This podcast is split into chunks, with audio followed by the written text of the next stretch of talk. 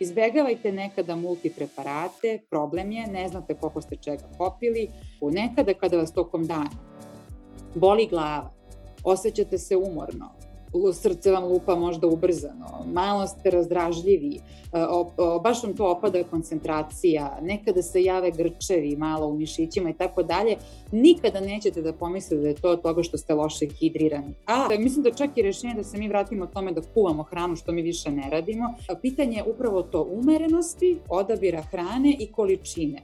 Mi danas verovatno imamo problem sa količinom. Imunitet dolazi iz creva, to je ono što, što mi još uvek ne znamo. Moje ime je Ivan Kosogor, a sa mnom je danas doktorka Marija Anđelković. U podcastu koji sledi pričali smo o osnovama pravilne ishrane, suplementacije i korišćenju probiotika. Pričali smo o tome da li postoji neka univerzalna dijeta i šta je ono što je najbolje za nas.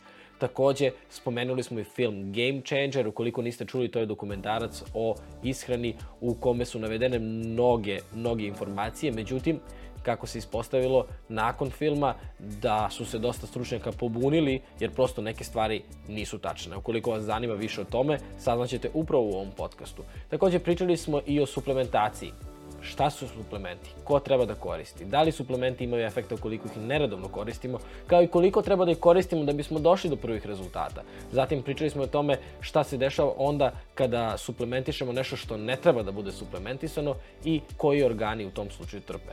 Na kraju smo pričali o probioticima i o tome kako oni direktno utiču na naš imuni sistem. Zatim, pričali smo i o tome šta znači biti nutricionista. Danas izgleda kao da je svako može da bude nutricionista i da daje olako savete, bez nekog razmišljanja, ali to može da utiče na naše zdravlje i na naš život. Zato treba da obratite pažnju kome se obraćate i kome verujete i od koga tražite savete. Više o tome upravo u podcastu koji sledi.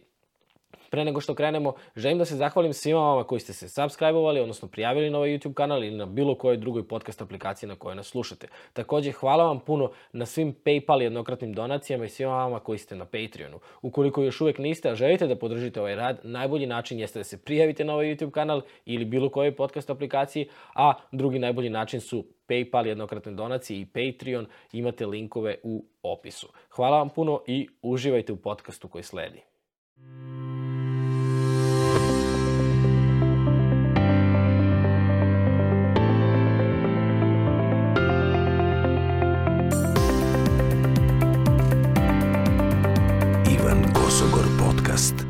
Ali možeš ti da mi ponoviš zapravo to što si malo pre rekla za preživljavanje i kako nam je ishrana pa, postala? Pa, znači, pa, moje mišljenje je da to što se mi bavimo ishranom sada, ovako ovaj, intenzivno, pokazuje da možda više ne gledamo samo da preživimo, nego da vodimo računa i o kvalitetu života. Eto, to je moje mišljenje. Čuli ste ljudi, doktorka Marija, dobrodošla u podcast. Bolje te našla, dragi Ivane.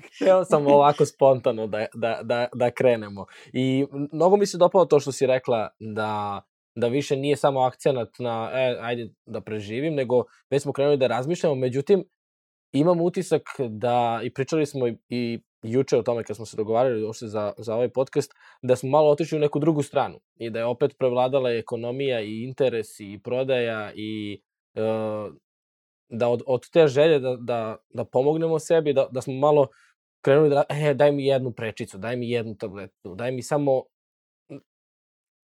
znaš na šta mislim, prosto od, od onih osnovnih stvari odmori se, naspavaj se, budi ono, sa sobom, budi u kontaktu sa sobom, hrani se zdravo. E, došli smo do toga, daj mi jednu tabletu koja će sve to da, da, da ni ne spavam uopšte. Znaš. Teško, da. A znaš zašto je to? Ja sam baš držala smo, imali smo kongres o ishrani u Beogradu i ovaj, tema koju sam ja bila zadala je tema koju sam bila ispisana, to je ono nutricionisti nisu mađioničari. I ja mislim da je to ono, ljudi vole malo magije, ljudi vole da, da im daš to nešto što oni ne mogu da vide. Ti kad nekome kažeš naspavaj se, odmori se i to delo je tako nekako jednostavno i prosto. I tu nema te magije, znaš, a ljudi kada popiju neki suplement i kada poštuju neku dijetu, eto oni to očekuju. Znači, jer sve to prodaje ta magija koja se, ovaj, koja se daje nekome koji kupac, ti moraš da ga ubediš da će baš ta dijeta da uspe da, ovaj, da njemu donese manjak kilograma i da će baš taj suplement da mu utiče mnogo dobro na zdravlje, na lepotu i tako dalje. Ti moraš nekako da prodaš i onda ja mislim da su današnji ono, baš ljudi koji ono, se bave distribucijom i toga pravi međioničari. Znači oni nekako te totalno ubede u toj reklami koja traje nekoliko ovaj, sekundi da je, da je to to. I mi to svi želimo i e, mislim, e, moram da priznam, tako nastaju i naučne studije nekada, jer ti kada radiš studije sa suplementima, ali nebitno nekom vrstom dijete i onaj koji je s druge strane koji je to osmislio, on toliko očekuje da će biti neki wow rezultat koji je na kraju isto neka vrsta, ovaj, on, i on očekuje neku magiju, jer to bi značilo da je on baš sve pogodio što je zamislio,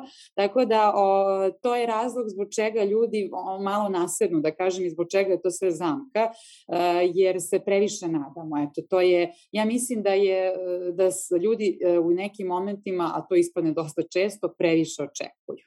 Hmm. Pa kad kažeš previše očekuju, previše očekuju od toga da nešto ili neko drugi uradi ono za njih što, što je njima potrebno zapravo. Gde, gde zapravo... Je. Uh -huh. Tako je, tako, jer e, e, ovaj, e, šta je poenta? U, e, kada, mislim, kada radimo evo, sa sportistima sa kojima ja najviše ovaj, radim, e, toliko toga je urađeno, kada on dođe kod tebe, pogotovo ako je profesionalni i nebitno, o, toliko toga je on već uradio u svom životu. Toliko toga je on već dostigao, da on stvarno, o njegovo očekivanje od tog malog što ti trebaš da mu daš, da bi on bio najbrži, najbolji, da bi on bio zlato negde, o, ili medalja, sve jedno, to je je, on se tome toliko nada, on toliko otvori ono svoje misli i srce i očekuje da to nešto bude, da tebi nekada prosto žao da ga razočaraš i da kažeš, e, aj, nećeš ti biti, što se ja šalim, nećeš biti novak baš od ovoga ako ne jedeš gluten, ne znam kako da ti kažem, a nećeš biti.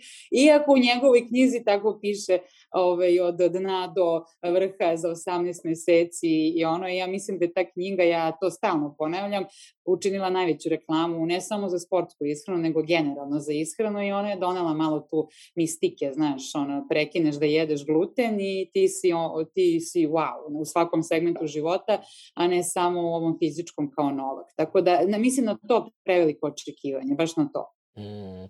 I plus ono dodatno što sam isto primetio da su uh, kao jedne godine je najzdravije da se da se jede slanina, a onda sledeće godine nikako slanina i onda to me podsjeća, ono, to, to sam ti rekao, kao ona neke, one letnje hitove, one pesme, znaš, kao Bijelo dugme je napravilo pesmu pre 40 godina i dan danas je svi slušamo i slušat ćemo i generacijama, ja verujem i u budućnosti, ali neke pesme koje smo slušali 2015.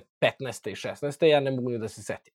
E, tako mi ove dijete deluju kao jedne godine, svi govore u samo to, onda sledeće godine kao u nikako ono od prošle godine i onda, i onda sledeće nešto drugo. Kako, kako smo došli do toga da, da, da imamo te letnje dijete ili zimske dijete pripreme za, za novo leto, da tako kažem? Odlično ti ali poređenje ti je baš odlično, skoro pa savršeno, baš, ali tako je, ono, to baš suva istina. I e, ako mi gledali šta bi bio taj hit bijelog dugmeta pre 40-50 godina koji svi pevamo, to bi bilo par dijeta i te su priznate za medicinski, medicinske na nivou, znači ono da kažem imaju lekovita dejstva, priznala ih je medicina i to je čuvena mediteranska dijeta, gde je ono pitanje umerenosti voća, povrća, pa i malo vina i sira i tako dalje. E to je ono zlatni standard, to je ono što će da što je bilo, što će biti i ostaće. I tu se malo sad interferiraju još neke druge dijete, ali recimo da je to e, dijeta koja već evo godinama unazad je proglašena za najbolju i ovaj, da kažem najzdraviju, a sve ove koje dođu, prođu i bljesnu, tako kao taj ovaj letnji hit, e, nemaju svoj dug život. I to je ono što, mislim, neki od njih se do dosta dobro dugo prolače, moram da priznam, evo, na primjer i ove keto dijete i tako dalje, ona je recimo, ako bi gledali, ona ima baš ono, ono život koji traje, već godinama, ali većina njih e, to je to, e, baš tako bljesne i ljudi, uh, mene kad često pitaju kao pa šta misliš, znaš, mnogo je teško da posavetuješ ljude, ljudi nekada vole da eksperimentišu. I ja nemam ništa protiv toga, meni je to, ja uvek kažem, ok, nemojte da preterujete u smislu toga da to toliko dugo traje da više nije eksperiment i radoznalost, nego da utiče na vaš život. Znači, ako nekada poželimo da probamo. Hoćeš da probaš dijetu koju, ne znam, jedeš e, jaja, ovaj, ne znam, pet jaja, pa onda pojedeš, ne znam, parče sira ili tako dalje. Razumem tu vrstu radoznalosti i opet ponavljam, ja mislim magije koja se očekuje od toga, ali moraš da razumeš da to, to je ovo kratkog daha. Prvo, ti nećeš biti motivisan da dugo izdržiš. Znaš, kone kupus dijeta što je bila, jedu kupus, skuvaj kupus i jedu po ceo dan. To je totalno fascinantno. Znaš, neko izdrži to, da, da se ne lažemo. I, ali niko ne živi na tome. To je ono što, znači, to je ok, traje to par ne, pa, tri, dve, tri nedelje i ti kažeš to je ok, ali to niko ne može da živi na tome pola godine ili godinu ili dve ili tri. Tako da Um, I kada, ono što mi pokušamo u stvari da naučimo ljude, pošto da verovatno ću ponoviti više puta tokom našeg razgovora, sve što smo ikada i radili vezano za a, mnoge stvari, između ostalog za ishranu, kad govorim mi, mislim na, na puno ljudi koja stoji iza mene, ja sam samo ono lice koje vidite, ali bez tima nema ništa.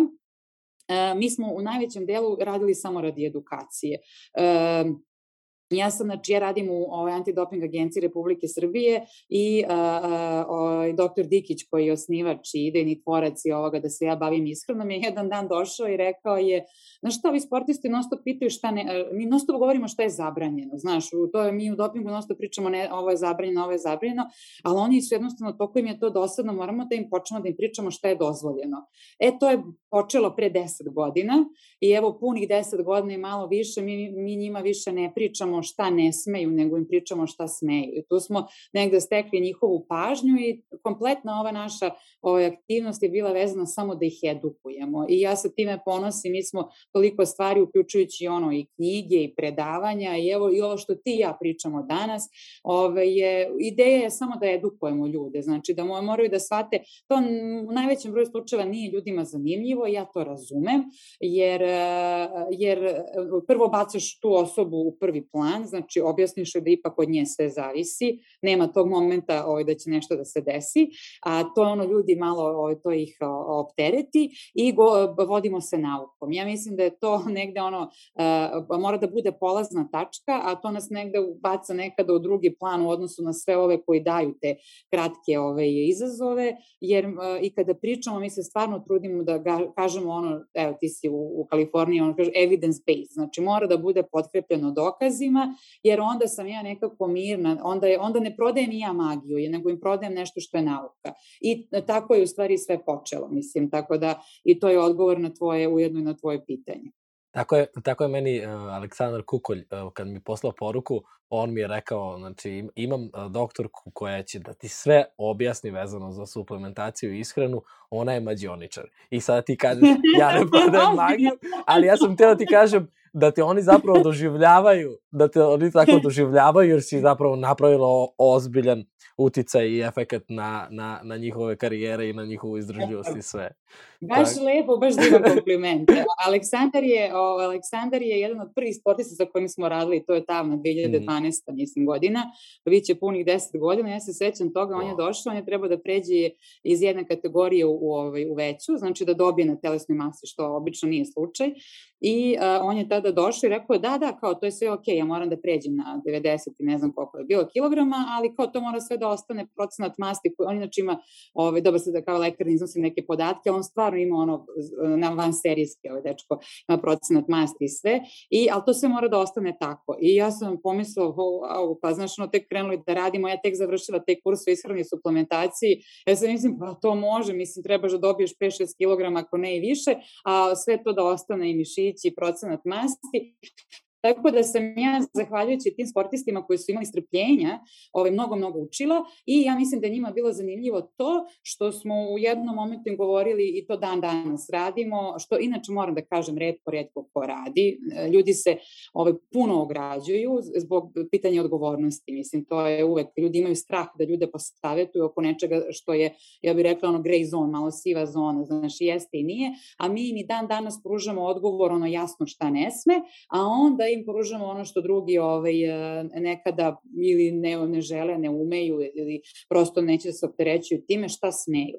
I o, takvi, prosto redki su takvi ov, ta, uopšte institucije koje to rade i zato smo mi njima još uvek, nadam se, zanimljivi u tom pogledu i da ne bude kao samo, ne znaš, uvek je najlakše da kažeš, up, ovo ne smeš, ovo ne smeš, ovo ti je to, ovo ti je doping i tako dalje, on te na kraju pita, pa dobro, tog silnog ne smemo, šta ja smem da uzimam, znaš, a šta je to što ja smem, dajte mi taj odgovor. E, taj odgovor, dajte njima taj odgovor, verovatno njihovim očima izgleda da se im baš puno pomogao, tako drago mi je da su im to tako shvatili.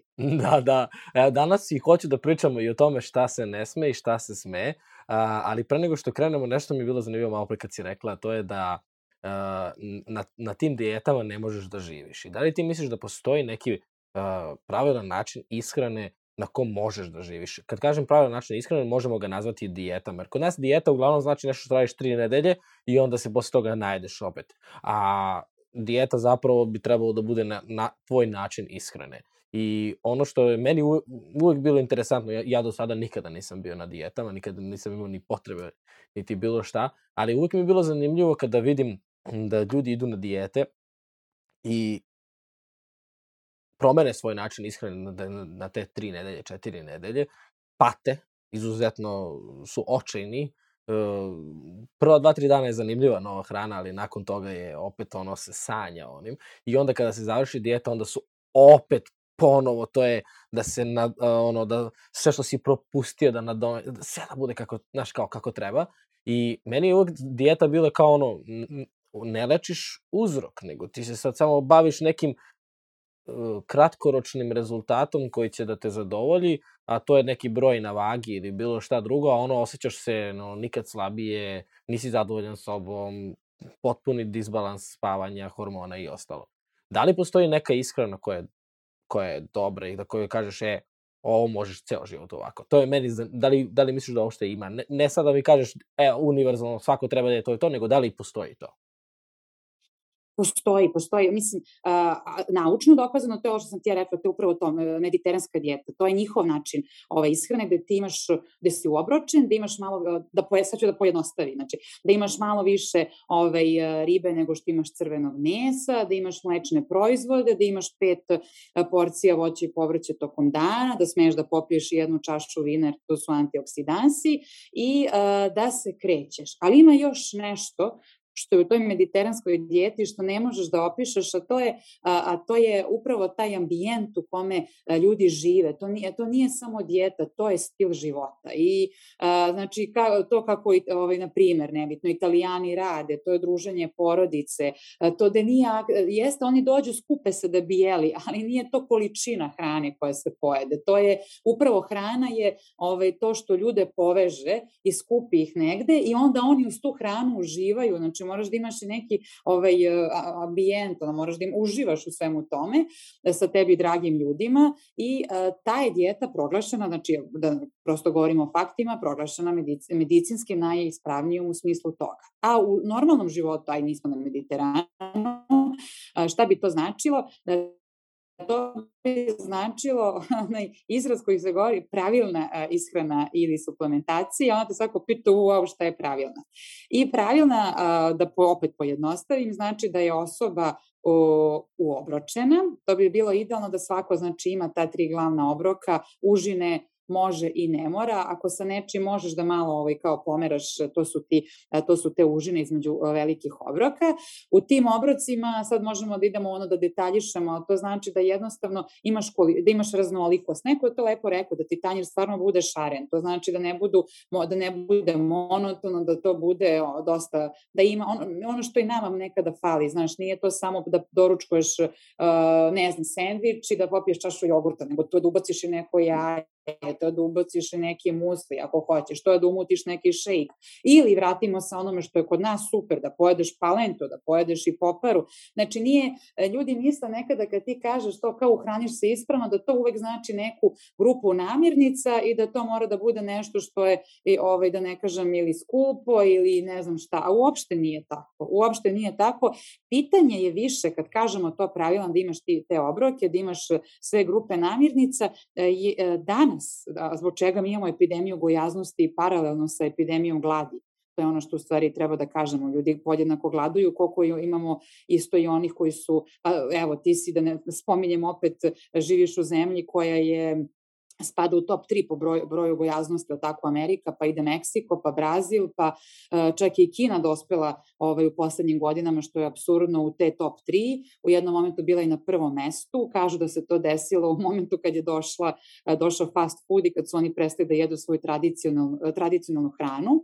E, to znači da pitanje upravo to umerenosti, odabira hrane i količine. Mi danas verovatno imamo problem sa količinom. Znači, to je, to je negde Amerika od, odradila takav posao s tim marketingom, ti imaš taj refuel gde ti popiješ jednu onu čašu Coca-Cola, ali on tebi daje džabe i drugu, on tebi daje i treću. Znači, a šta će ti? Ali eto, daje ti, prosto tako je to. Tako da, e, ono, želja da ti prodaju tu hranu je toliko uspela da, da nama nabaci količinu hrana. Porcije su nekim momentima veće, pogotovo porcije koje se tiču, pogotovo porcije koje se tiču ovoga fast fooda, znači to su stvarno, ono, da ne kažem, po 50% veće nego pre. Tako da kada govorimo o tome, postoji ta dijeta koja je, nazovi je idealna, ja bi nekako pojednostavila, to je ona u kojoj mi održavamo svoju telesnu težinu u granicama normalnih i biramo one namirnice sa kojima mi pomažemo tome da imamo očuvano ovaj, zdravlje. Znači, možemo da, ali to je stvarno e, jedna ovaj, šarenolika. Ja često čitam dnevnike ovaj, onih koji dođu kod nas, to oni pišu trodnevni dnevnik ishrane. I, e, znači, svako ko je bio kod nas, znači, to je otprilike više se i ne zna koliko koliko smo ovaj, pogledali dana kako se neko hrani u Srbiji i to je radost. Ipak je uvek lepo kad imaš svoje rezultate, ne citiraš tamo neke. I ti bro, ne možeš da zamisliš, to je nekada, uh, ima pet redova ti neko stavi, ti pomisliš da se on stvarno ovako hrani. Znači, to, ne, to je ono voda, Coca-Cola, uh, ne znam, pljeskavica, uh, hleb uh, ili jaje, pa ide sledeći dan, isto je jaje, znači, to je ono, prosto to, ništa sad tu nije loše, ali nije ni poenta da se hraniš tako monotono. Tako da raznolikost količina i o, to je ono što odlikuje uh, ishranu i nije čak ni izbegavati, znaš, ono da sad imaš i to, pričat ćemo velike grupe namirnica, pa nemoj ovo, nemoj ono. Mislim, generalno, ako, se ti, ako ti uspeš da izbalansiraš to da ne jedeš, baš to kažem, previše masnu hranu, ti, ovaj, ti si tu negde u zlatnoj sredini, dostižeš te ugljene hidrate koje ti trebaju, proteine koje skoro uvek unesemo i onda kao vodimo računa o tim mastima, znaš, i onda imaš borbu za to da manje solimo hranu, što je isto ok. Tako da ono, teško je pojednostaviti, ali e, možda da kažemo ljudima da nije to ništa fancy, nije to ništa skupo. Mislim, e, tako nekada, tako naša su dobra jela koja su postojala. Znaš, mi smo pisali sportski kuver. I e, taj kuvar je, smo pisali nas ovaj, 8 ili 9 i svako je morao od nas autora da napravi svoje recepte. I a, evo upravo komentar na tvoje pitanje. I mi smo mislili kao, a da super, mi se svi bavimo ovim, sad će svako da izabere po neki primer za doručak, ručak, užinu, večeru i ovaj, izračunat ćemo, to je bila ideja, da se izračuna kalorijski, kolike su masti, kolike ugljeni hidrati i da to stavimo i da slikamo ono step by step i to je to. Pa ti ne možeš da veruješ, mislim, nije afirmativno, to je stvarno istina. Znači, ja mislim da niko od nas nije uspio da pogodi s prve ovaj, te recepte u kojima nije bilo previše masti. A mi kao razumemo šta jedemo. Ali ti kad to kreneš da računaš, pa malo ubaciš ovo, mi smo bili začuđeni, onda kreneš da ono, pa gramažu smanjuješ ovoga da bi došlo do te pite koja je idealna, a mi se, jel tako, kao u to razumemo. A koliko je tek teško nekome ko se u to ne razume. Tako da, i onda smo, u jedan od tih recepata su bili najprostiji recepti. Meni su se smeli, ja sam pravi, ja sam jedan od recepata koje sam ja stavila je bio koh. I oni su mi kao koh. A koh je u stvari za sportiste super, ima puno ugljenih hidrata, nema puno masti, znaš, u mleku. Oni su rekli, oni su očekivali kao, pa šta sad nešto fancy? Ne mora fancy, znači, ošte nije poenta toga. Poenta, mislim da čak i rešenje da se mi vratimo tome da kuvamo hranu, što mi više ne radimo. I to sam nekoliko puta pričala. Ja mislim da je jedan od razloga što, se, što i mi imamo već neku ove, u najavi, da kažem tako, ovaj problem sa gojažnošću ili predgojaznošću, je to što mi, ja mislim da mi više nemamo vremena da kuvamo. Pritom ne krivim stvarno nikoga.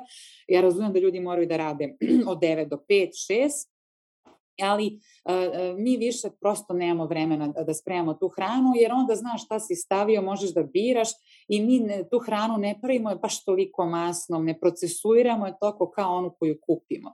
Tako da ona naj, najprostija domaća kuvana jela su, uopšte nisu ovaj, loš izbor, ne naprotiv su odličan izbor. Ja to ono kad me pita, kažem ljudi kamo sreće se vratimo da jedemo opet kuvano, ono kako kaže. Mm, da, da, to si skroz u pravu i si malo pre za ovde za Ameriku upravo to kako, kako funkcioniše. Ne samo da su im pića uh, potpuno bez, prvi put, kad, prvi put kad kupiš, onda možeš da piješ koliko god hoćeš, već su, ne znam, od pomfrita, sa, salata i svi te nekih drugih stvari koje su isto obrađene, ovaj, bukvalno je sve besplatno. Ti samo treba da kupiš jednom i onda možeš da jedeš, u, ne besplatno, nego jedeš u neograničenim količinama.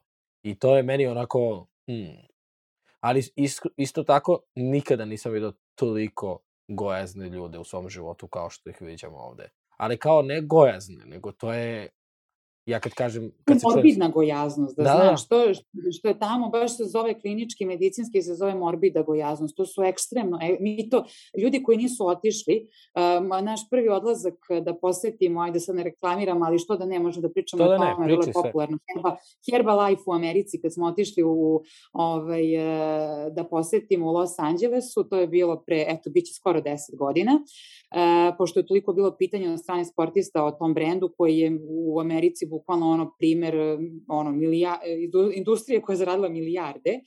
Uh, ovaj, e tako da smo prvi put ono sletali i krenuli da hodamo ulicama, ja to što sam tada videla, to je bio šok za mene. I ljudi koji nisu to, mi sad sad imamo, vidimo na televiziji, ali svejedno ti kada vidiš uživo, to, to je stvarno, baš kako kaže medicina, morbidna gojaznost, ekstremna gojaznost, na, nama nezamisliva.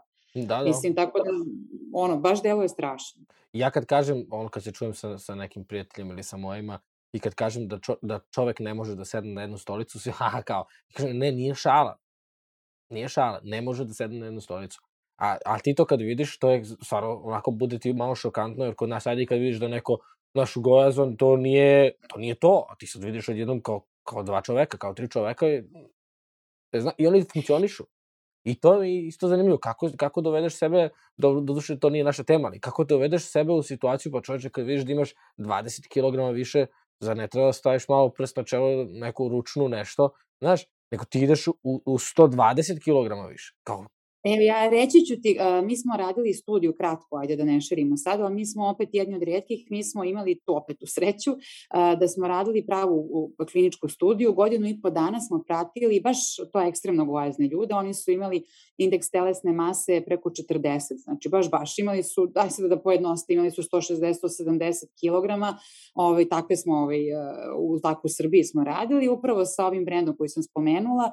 I uh, bila je ideja da vidimo kako će oni da mršave, znači nas je to zanimalo u tom momentu, i da vežbaju. I tada sam, ovaj, tada u ordinaciji da smo bili, znaš, u jednom trenutku dolaze kao na vežbanje na čas, ulazi, na primjer, njih 10, 15, po 150, 160 kila ljudi gledaju, njima to bilo totalno kao kakav je ovo skup.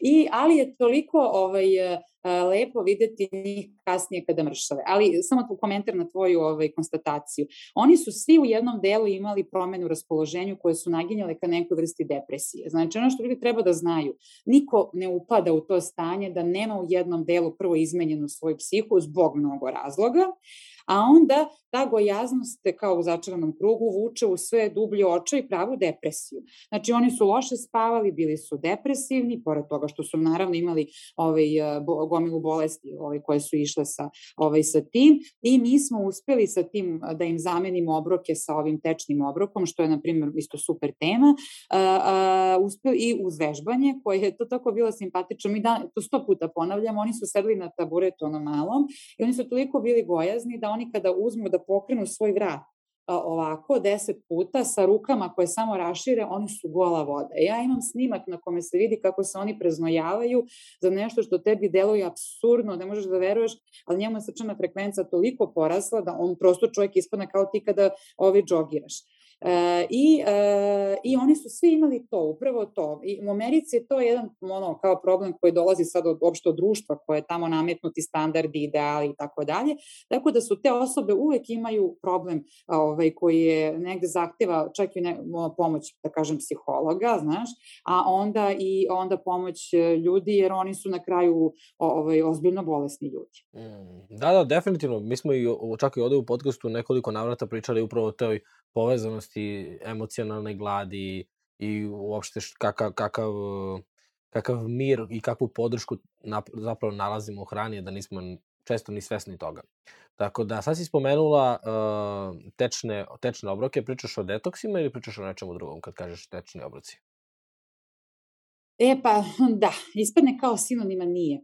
Tečni obrok je, ne, je da kažem, negde u ishrani prepoznato kao, e, da, da pojednostavim, znači obrok koji je logično, jel te tečan, koji ti popiješ, a u njemu popiješ e, i ovaj, makronutrijente, to mu dođu oni ugljeni hidrati, masti, proteini, a popiješ plus i ovaj, mikronutrijente, a to su i vitamini i minerali. I ti onda u jednom obroku koji i bi trebao da ima manje kalorije od tvog normalnog čvrstog obroka, popiješ i držite sitim neko vreme i kontrolišeš svoj energetski unos to jest kalorije koje, koje ovaj, tako uneseš i a, e, taj tečni obrok je prvo medicinski postojao, znači neka ljudi koji ne mogu da žvaću hranu, ne mogu da gutaju i tako dalje su uzimali o, ovaj, da kažem bolnicama, jel tako, ovaj, tečne obroke, a, a onda se raširilo na, kod nas i reklamira se sada kao one kesice gde po, ono, razmutiš i kao popiješ. E sad neki to poistovećuju sa detoksom, ali realno to ideja ovih obroka nije detoks, na kraju bi mogu da filozofski bude detoks, ali ideja je da ti smanjiš kalorijski unos. I uvek je ta poenta da ti smanjiš kalorijski unos, to je jedan divan slajd eh, na predavanjima koje koristimo, ima ovako ispisano ono 10 dijeta koje su sada popularne, flexi, keto, ovaj, ova ona dijeta i onda onda ide ovako ovaj, kolumna uh, kako dovodi do ovaj, smanjenja telesne mase i onda ide samo komentar kalorijski deficit. Kalorijski deficit, znači nema magije. U svakoj od tih dijeta moraš manje da jedeš u odnosu na to koliko se trošiš da bi mogao da imaš smanjenje telesne mase. Znači najprostije rečeno, a to što će tebi neki metabolizam da se e, prevrne pa ćeš da se do, da do, dođe do detoksikacije, naravno ni ne podržava nauka.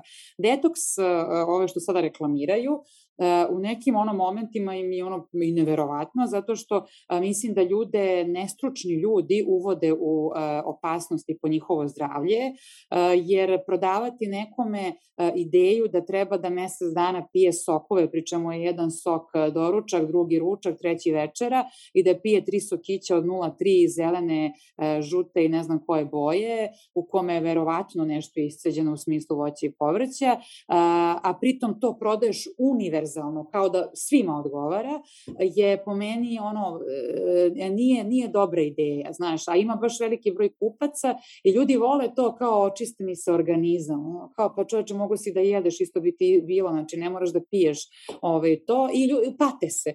Ti ljudi se ozbiljno muče zato što ja ne znam ko može da bude srećan ko popije samo tri flašice različitih voja na dan da bi ušao neki detoks. Mislim, I to su te dijete koje traju to jedno leto, znaš. I onda i to bude to zato što prvo čovjek ne može da izdrži, drugo gladanje, treće on vidi da je malo smršao, ali vidi da gubi snagu, gubi mišiće, gubi koncentraciju i ovaj, imali smo mi toliko puta i, ajde kažem, i ne samo ono, pacijenta, nego kolege koji hoće da probaju i onda ti vidiš na njemu, bre, čovjek se seš, ali dobio onu pepeljastu boju, znaš, na pobeli, niti, ne, niti ima života u njemu, niti ima koncentracije, niti ima on, on nema, prosto fali mu verovatno svega što treba da mu što treba da unese i ali ima taj neviđeni utisak da se nešto da uradio neki detoks. Tako da ne, opasno je to. Ja kao lekar to, ja mnoge stvari govorim ovde kao lekar. Ja razumem da ljudima to možda i ne odgovara jer ono to je baš neka demistifikacija, ali moram da kažem kao lekar, to sve ovo što mi pričamo ne može da bude univerzalno. Danas je u ishrani najpopularniji taj ono individual approach, znači imaš o, ili kako kožu to personalizovana ishrana, znaš, to je sad baš modern izraz. Videla sam to se masovno prodaje i svi kao, wow, to je iskreno samo za mene. Ali to bi bilo bi super da je tako, zato što to i treba da bude. Znači, ne ide sve svakome, uh, i, ovaj, jer više mi nismo ono uh, globalno zdrava nacija, pa da sad jedna, jedan model pogađa sve. Mi smo sada i ono nacija sa insulinskom rezistencijom koja ima svoju epidemiju, sa uh, hipotiroidizmom, sa mnogim stvarima. Znači, ne, ne možeš da se igraš da preporučuješ sva, sve svakome. To je, to je ono ideja, imam najveći problem sa tim dijetama. Sad kad si ovo rekla, moram samo da te pitam, a to je kako onda znati, jer ja recimo, bar, bar ovde na, u ovom podcastu se stvarno trudim da, da, da pričam sa, sa relevantnim ljudima, sa ljudima koji o, znaju šta pričaju. Znaš, da ne bude, e, sad je neka upravo ta magija i tako dalje. Kako da, kako da ljudi znaju kome tačno da veruju kada je u pitanju ishrana, jer kao što smo, tako smo i počeli ovaj razgovor, zapravo danas je maltene svako nutricionista, svako može da ti pomogne, svako će da ti kaže nešto što je, znaš, uh, prosto malo je od, od te naše potrebe da podignemo svest o ishrani, došli smo do toga da sada ne znaš kome verovati. I sve deluje primamljivo i sve deluje kao da je to baš za mene. A opet sa druge strane, upravo kao što si ti rekla, opasno je da može da ima veliki uticaj na tvoje zdravlje čoveče.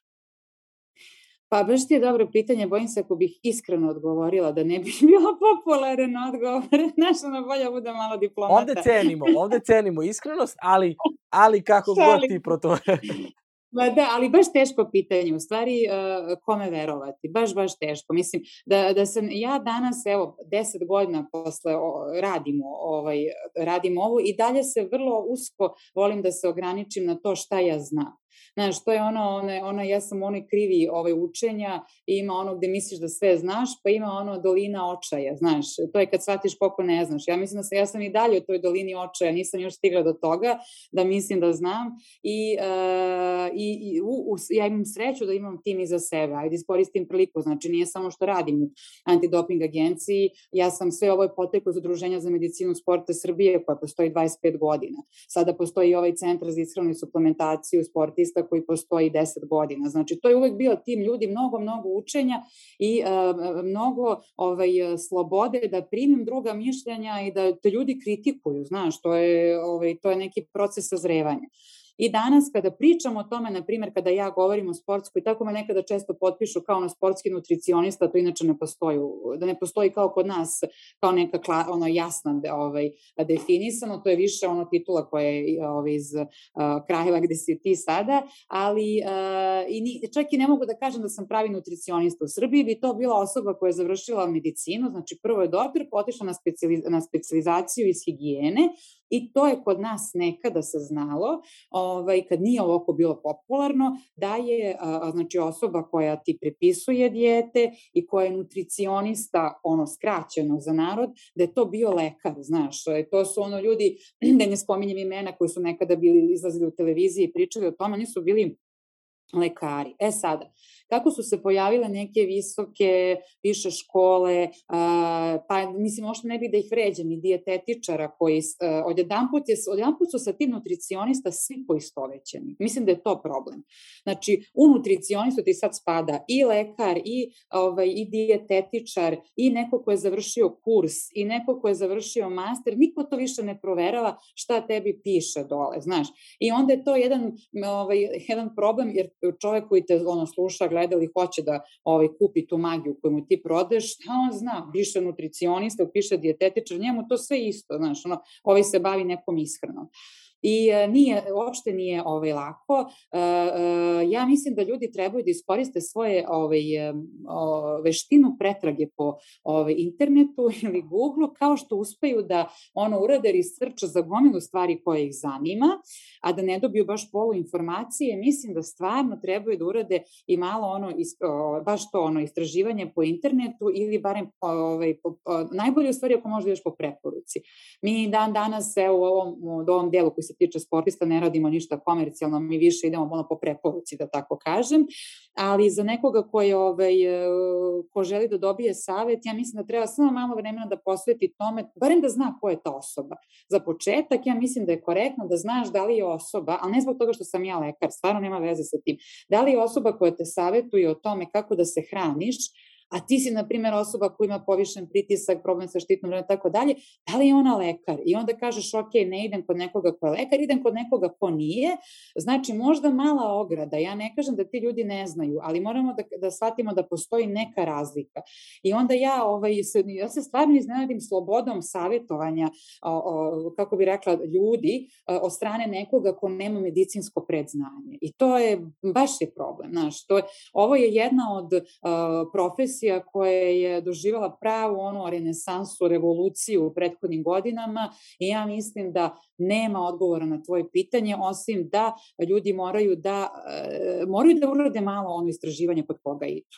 Eto, ako ne ideš na preporuku, čak i kad ideš na preporuku, ovaj, da prosto znaš ko je ta osoba, na ono šta stoji iza imena i prezimena, ali imaš pravo da je pitaš, znaš, ljudi odu, pa mislim svedoci smo, bože, desila se to kao ona tragedija, dalje sam u šoku, ljudi su išli kod nekoga ko da ih operiše za ovu estetsku medicinu, čovek bre nije imao ovaj, jedva i srednju školu, razumeš, ti se, ti se ovaj, šokiraš šta se dešava, a onda se, i prvo pitanje svih je bilo, pa kao, kako su otišli, a nisu pitali. Sad, ti razumeš da ljudi ono, idu stihijski, a s druge strane, stvarno, kako nisu pitali. Tako da nemojte da idete stihijski, nemojte baš da verujete svakome, nije lepo što to kažem, ali to je istina. E, možda je čak, vidi, vidi možda je iskreno nije, ovaj, e, nije polje na kome će oni da naprave neke neviđeno radikalne greške koje će tebe da, ovaj, u, u, da te ugroze, ali mogu mislim, na drugim poljima ti realno može, tvoje zdravlje može da strada dramatično. Tako da, eto, to je možda odgovor na tvoje pitanje, pošto to jeste vrlo važno, samo se malo raspitajte kod koga idete. To je, to je to moj savet. Uđite na taj internet, na taj Google, pogledajte i, vodite, i budite malo, ne kažem da tražite puno mišljenja, pošto je to opet lutanje, ali budite ono, i slušajte svoje telo. Ako ideš na neku, tamo je bilo zanimljivo, odu na neku dijetu, znaš, i onda krenu slepo da je poštuju, ono čovjek propada. Ti vidiš, ono, ne znam, jedva ima snage da ustane, ali on slepo pošto jer je njemu dao neku tu dijetu. Morate da usluškujete svoj organizam, meni nije dobro. Znaš, ono, da ti kažem, dao si mi tu dijetu, možda budeš Bog otacu, meni od ovoga loše. Tako da moraju ljudi da, ovaj, da osluškuju i malo sebe i da imaju neku vrstu rezervi prema tome šta im se, šta im se pruža. Ovo je, ovo je važno upozorenje, kao dopada mi se kako si ovo glasno izgovorila zapravo, a, koliko je za, zapravo bitno da se podsjetimo upravo to. Jer nekako internet je, ja, ja nekako to sad razmišljam kao, ja sam odrastao isto bez interneta, ti si odrasla bez interneta i sada zamisli ono šta bi tebi rekli tvoji roditelji, si rekla je kao idem sa društvom koje sam upoznala preko interneta. A kamoli šta bi, šta bi rekli tvoji roditelji da si im rekla u to neko vreme, e, čula sam od nekog tamo, ne znam ko je, videla sam mu slike, i sad ću da se hranim kao što, znaš kao, prosto bi, bili bismo proglašeni ludima. Znaš, a danas je nekako ta pre, a, internet nas je toliko približio da ti zapravo imaš utisak da iako ne znaš tu osobu lično koja ti nudi bilo koju vrstu dijete ili bilo šta, ti imaš utisak da je poznaješ i da ona baš tebi govori i da se baš tebi obraća. Mislim da je zbog toga, evo nisam čuo za taj primer za, za te estetske uh, poduhvate, ali ovaj, nekako mi je smešno mi, opet s druge strane razmišljam, pa ta, dobro, definitivno nije dobar primer ja i estetski, estetski poduhvat, ali definitivno razmišljam da li bih se zapitao da sada ovako nisi verbalizovala celu ovu priču, da li bih ja, ja kroz podcast zapravo istražujem moje sagovornike, ali da se ne bavim ovim, da li bih ja sada, znaš kao, pitao če, odakle se to dolazi.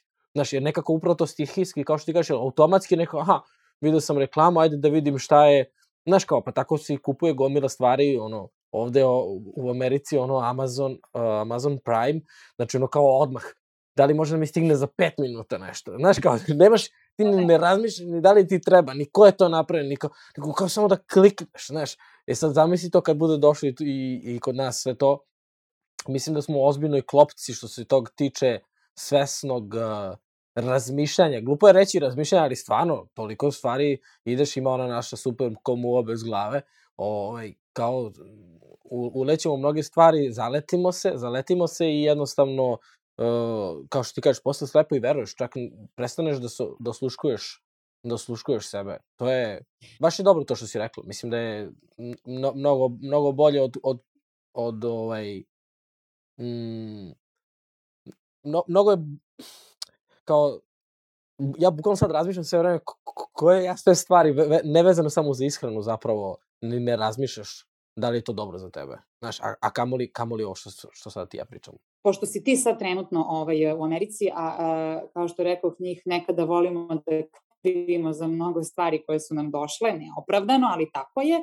Oni su u jednoj reči koja je to nutritionist stavili uh, toliko toga. Znaš, ti tamo verovatno si video i kada hodaš imaš, pa tamo mislim klinik, čo, klinika je u prostoriju koje nemaš doktora, mislim, a klinika je kao ono, oni imaju one paramedics i tako dalje. Znači, jednostavno um, e, svela se na to da dobiješ polu informaciju o tome kod koga ideš, ali to je generalno savet ovaj, opet kažem, ne samo za ishranu, ona je čak i banalna, neće ti toliko štete doneti. Ali zamisli kad ideš kod nekoga kod koga tražiš ozbiljni savet o svom zdravlju. Tako da ne, ne, znači ne treba preterivati, ne treba upadati u paranoju, ali treba, vodi, ali treba, e, treba se raspitati kod koga ideš. I opet ponavljam, ja sam to na svog tela, oni usluškuju svoje telo. Znaš, kako se osjećaš kada ti dođe taj ovaj, sportista koji opet on sa početka razgovora toliko toga očekivao i onda, ne znam, stanemo na vagu, A on kaže, evo vidi, pa nema, ja sam očekivao 3 kila manje, ništa se nije desilo. Ono sad ne znaš da li crveniš, da li ti nisi nešto dobro uradio ili je on možda nije poštovao tvoju ishranu, znaš, onda ti idu, idu pogled ka tebi i tako dalje, pa ti kreneš da razmišljaš šta to nije u redu i, ovaj, i ostalo, tako da, uh, ali on dođe, on ti kaže, ili kaže mi, na primjer, e, ba meni ovo ne prija, znaš, ne mogu ovako da se hranim, ili ne znam, gubim snagu ili gubim neku kondiciju, on priča i to je baš pohvalno, jer ja sam to od njih naučila, oni uvek vole da to baš onako izgovore svoje emocije i svoje stanje glasno, jer oni od tog tela žive i onda oni tebi skrenu pažnju da trebaš ti da se koriguješ. Ali ti da bi to razumeo, ti moraš da imaš znanje za to. Ja ne znam kako ljudi to ne razumeju. Znači, ti moraš da imaš znanje da bi znao šta on tebi priča on tebi upravo govori ovaj smer i čini ti veliku uslugu. Tako da ja zato i govorim ljudima, pre vidiš da ti ne prija neka dijeta, ne prija ti neki suplement, počeš si da ga piješ, muka ti je, imaš nadimanje u stomaku uh, i tako dalje, pa prekini, da li je moguće da neko dođe kod tebe i kaže, ovaj, pijem suplement, ne znam, 3-4 meseca i da strašno mi od njega. Muka mi svaki put kad ga popijem, ono, klopoće mi u stomaku i tako, kad ti ga pitaš, a što si tri meseca? A on kaže, pa kako, rekli su mi da pijem. Znaš, i ti se nekako uh, iznenadiš tom bezrezervnom uh, verovanjem koje ljudi imaju i zapitaš se, pa gde je tu common sense, gde je tu zdravi razum, znaš, ipak je to tvoje telo. Tako da i to je ovde preporuka. Prvo znaš kod koga ideš, a onda ovaj, slušaš svoje telo. da. Zvuči banalno, ali kao opet s druge strane, ne možeš ni, ni u koga da upereš prstom, jer ako, ako su ti rekli, to je to.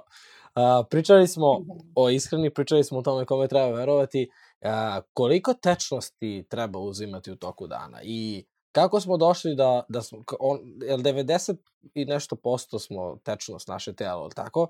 I došli smo do toga da nemamo uopšte naviku. Manje ali nemamo naviku uopšte da pijemo tečnost. I kao, ja sam, ja to uvek kažem, ja sam se oženio sa Emom, odnosno kad smo počeli da se zabavljamo, ona uvek ima flašicu, ovako flašicu pored sebe i meni je to bilo jako čudno. I ovaj, evo, četiri godine, tri, četiri godine kasnije, ja sad imam flašicu i ja sad ne mogu da, da, da verujem da sam bukvalno živeo dan da popijem vodu jednom, možda jednu čašu, ni, ni toliko. Znaš, nije mi jasno više, sada mi je to baš navika i, i žedan sam. Konkretno, stvarno, kad mislim o tome, stvarno sam žedan. Ali ovaj, pre toga mislim da to uopšte nisam dovodio u pitanje. Kako, kako je to moguće i koliko treba tečnosti da, da to stavimo kao jedan ovaj, okvir?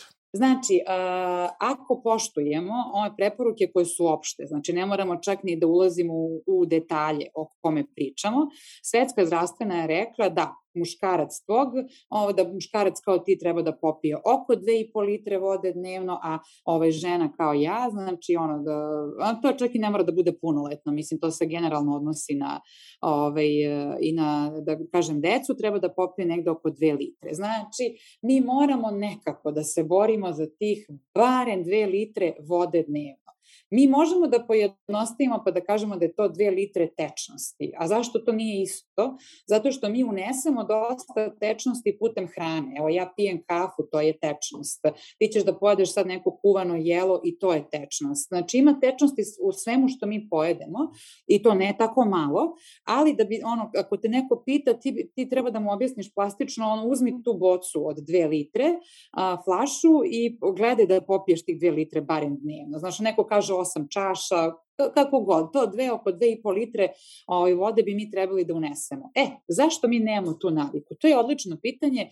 Uh, ja ne znam, evo sad s tobom možda čak negde glasno razmišljam, ja mislim da jedan od razloga između ostalog je to što smo mi u poslednje vreme sve više okrenuti vodi koju kupujemo. Znaš, iz nekog razloga, iako opet nema, e, e, nema ovaj, osnove za to, jer nam govore da je voda koju pijemo iz česme ok, nekako je e, ono, tap water, kako vi kažete tamo, znači nekako je ovaj, e, se stek utisa kao da, naš, vodu ne ta ovaj, pijaća voda sa česme, to je kao ono, ne znam, to ti je da skuvaš i kao da opereš sudove, ne znam šta da radiš, a mi treba da pijemo vodu vodu koju kupujemo. I ja mislim da je možda jednim delom to što mi hoćemo da non stop ovaj, kupujemo vodu uticalo na to da mi o, e, nemamo toliko raspoloživost kao što bi to trebalo da bude. Znači, i pritom i tu skrivim i sebe. Ja sam neko ko voli da pije uh, vodu, ovaj, uh, ajde kiselo manje više, ja sam neko ko voli da popije, na primjer, ovu koju niko ne voli, prolom vodu.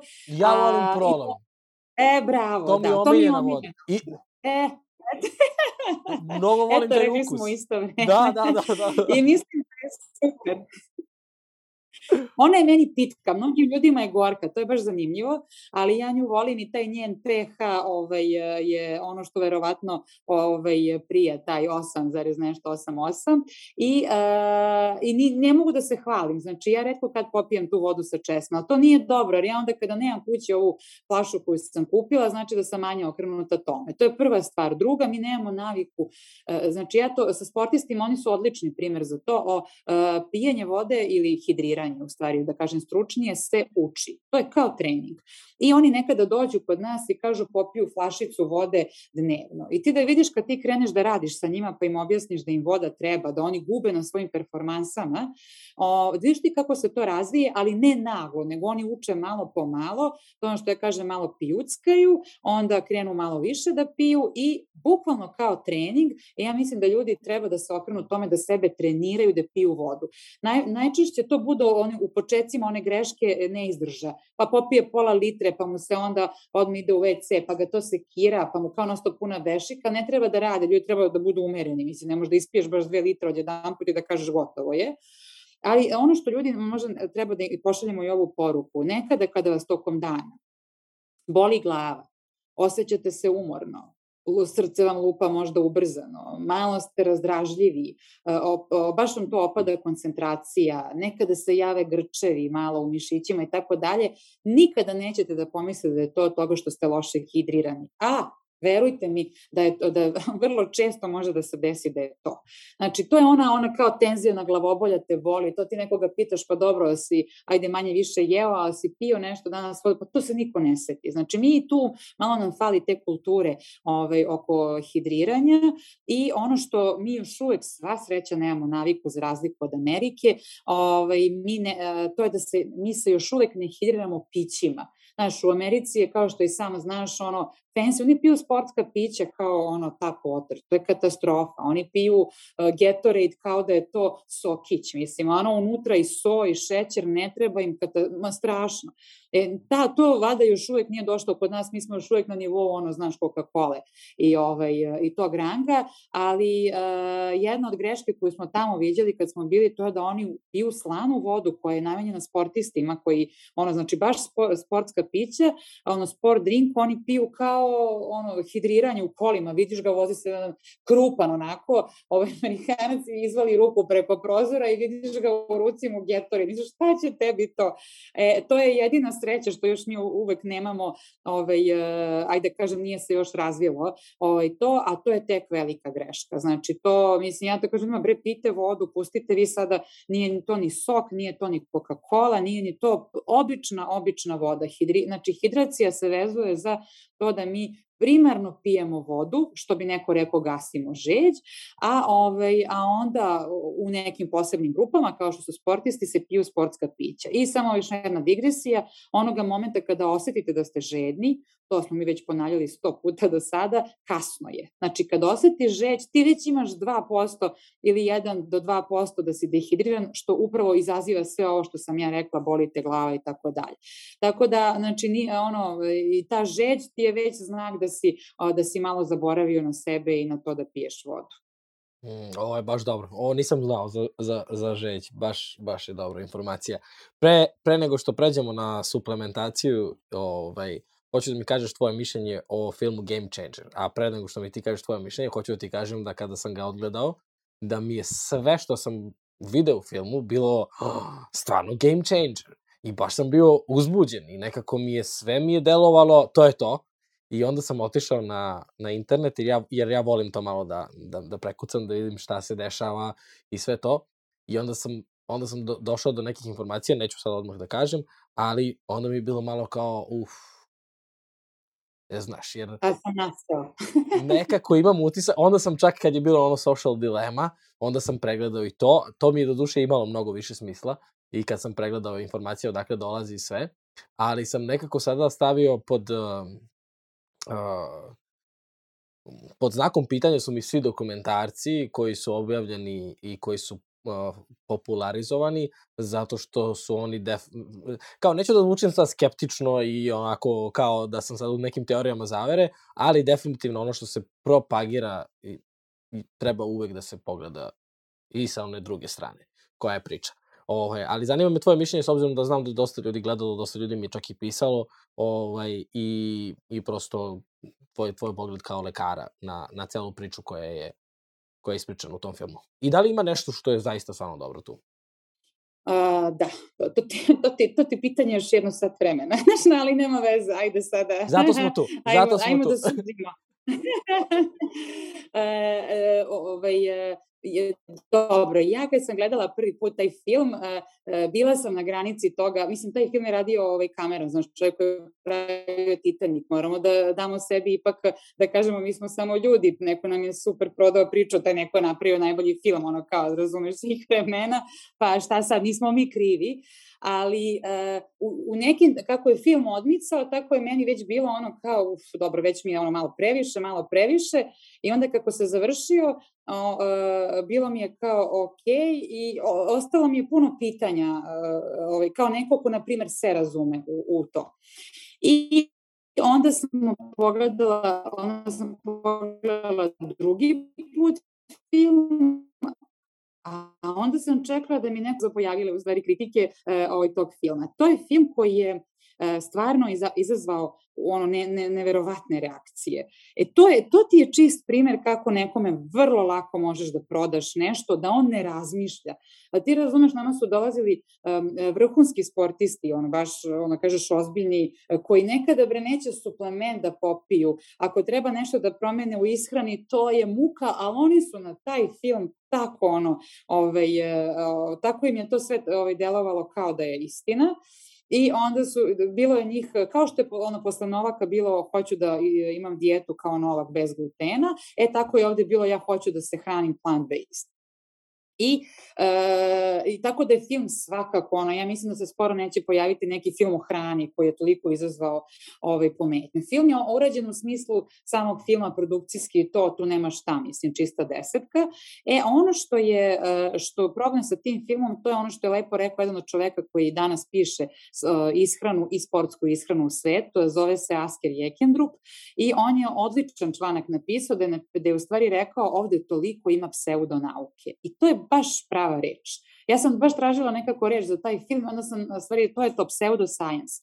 Znači, neko je uh, namerno pa da kažem zlonamerno, iskoristio one famozne radove, reference u tom filmu uh, u delu koji samo njemu odgovara, citirao samo delove koji njemu odgovaraju uh, i, uh, ovaj, i stavio da je to da je to ono kao nauka kaže, zato taj film deluje tako moćno, jer kao ima mnogo nauke, razume? I oni su izvukli samo delove koji njima odgovaraju. To je prvi problem sa tim filmom. Drugi problem, e, drugi problem sa, ovaj, sa filmom je u tome što e, taj film je našao ono super modele, znači ono vrhunske sportiste i tako dalje, Međutim, klopka je u tome što ti sportisti nisu ceo život plant-based. Ne da nisu, nego mislim, apsolutno nisu. Dolazi iz sportova kao što je onaj weightlifter ili powerlifter ili strongman gde nemoj da se lažemo, mislim, ono, čoveče, ne možeš da izgledaš onako ako jedeš, ako se hraniš plant-based, znači nismo, malo, imamo zdrav razum, A, a najveći protagonista tog filma, tako, ovaj, Arnold Schwarzenegger je čovek koji je, ono, ja, to, ja, ja te ljude nazivam ono abuser, čovek koji je svi znaju i on sam priznao koristio steroide onolike godine. I onda ti dođe kao neko ko je živeo na dopingu i kreće da te ubeđuje kako je on baš ono, ove, Schwarzenegger zbog toga što je jeo biljke. I ti shvatiš da ti tu nešto ne ide.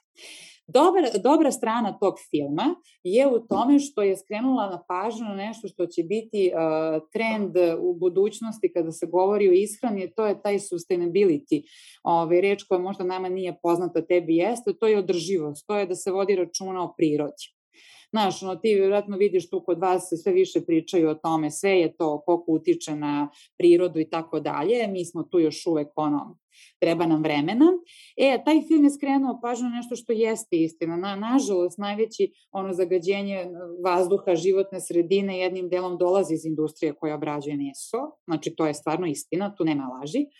I uh, postaje se pitanje kako mi tu možemo nešto da šta treba, ali neće nam ništa biti ako smanjimo malo tog mesa, ja se sa tim slažem. Uh, dobra poruka je da se, uh, da se što više jede ovaj, voće i povrće. To su sve dobre poruke i to je ok. Ako neko posle tog firma odluči da ne da bude plant-based, mislim da je to radikalno, ovaj, nego da baš to, jede malo više voća i povrća, možda malo manje mesa, to nije, to je dobra poruka tog filma.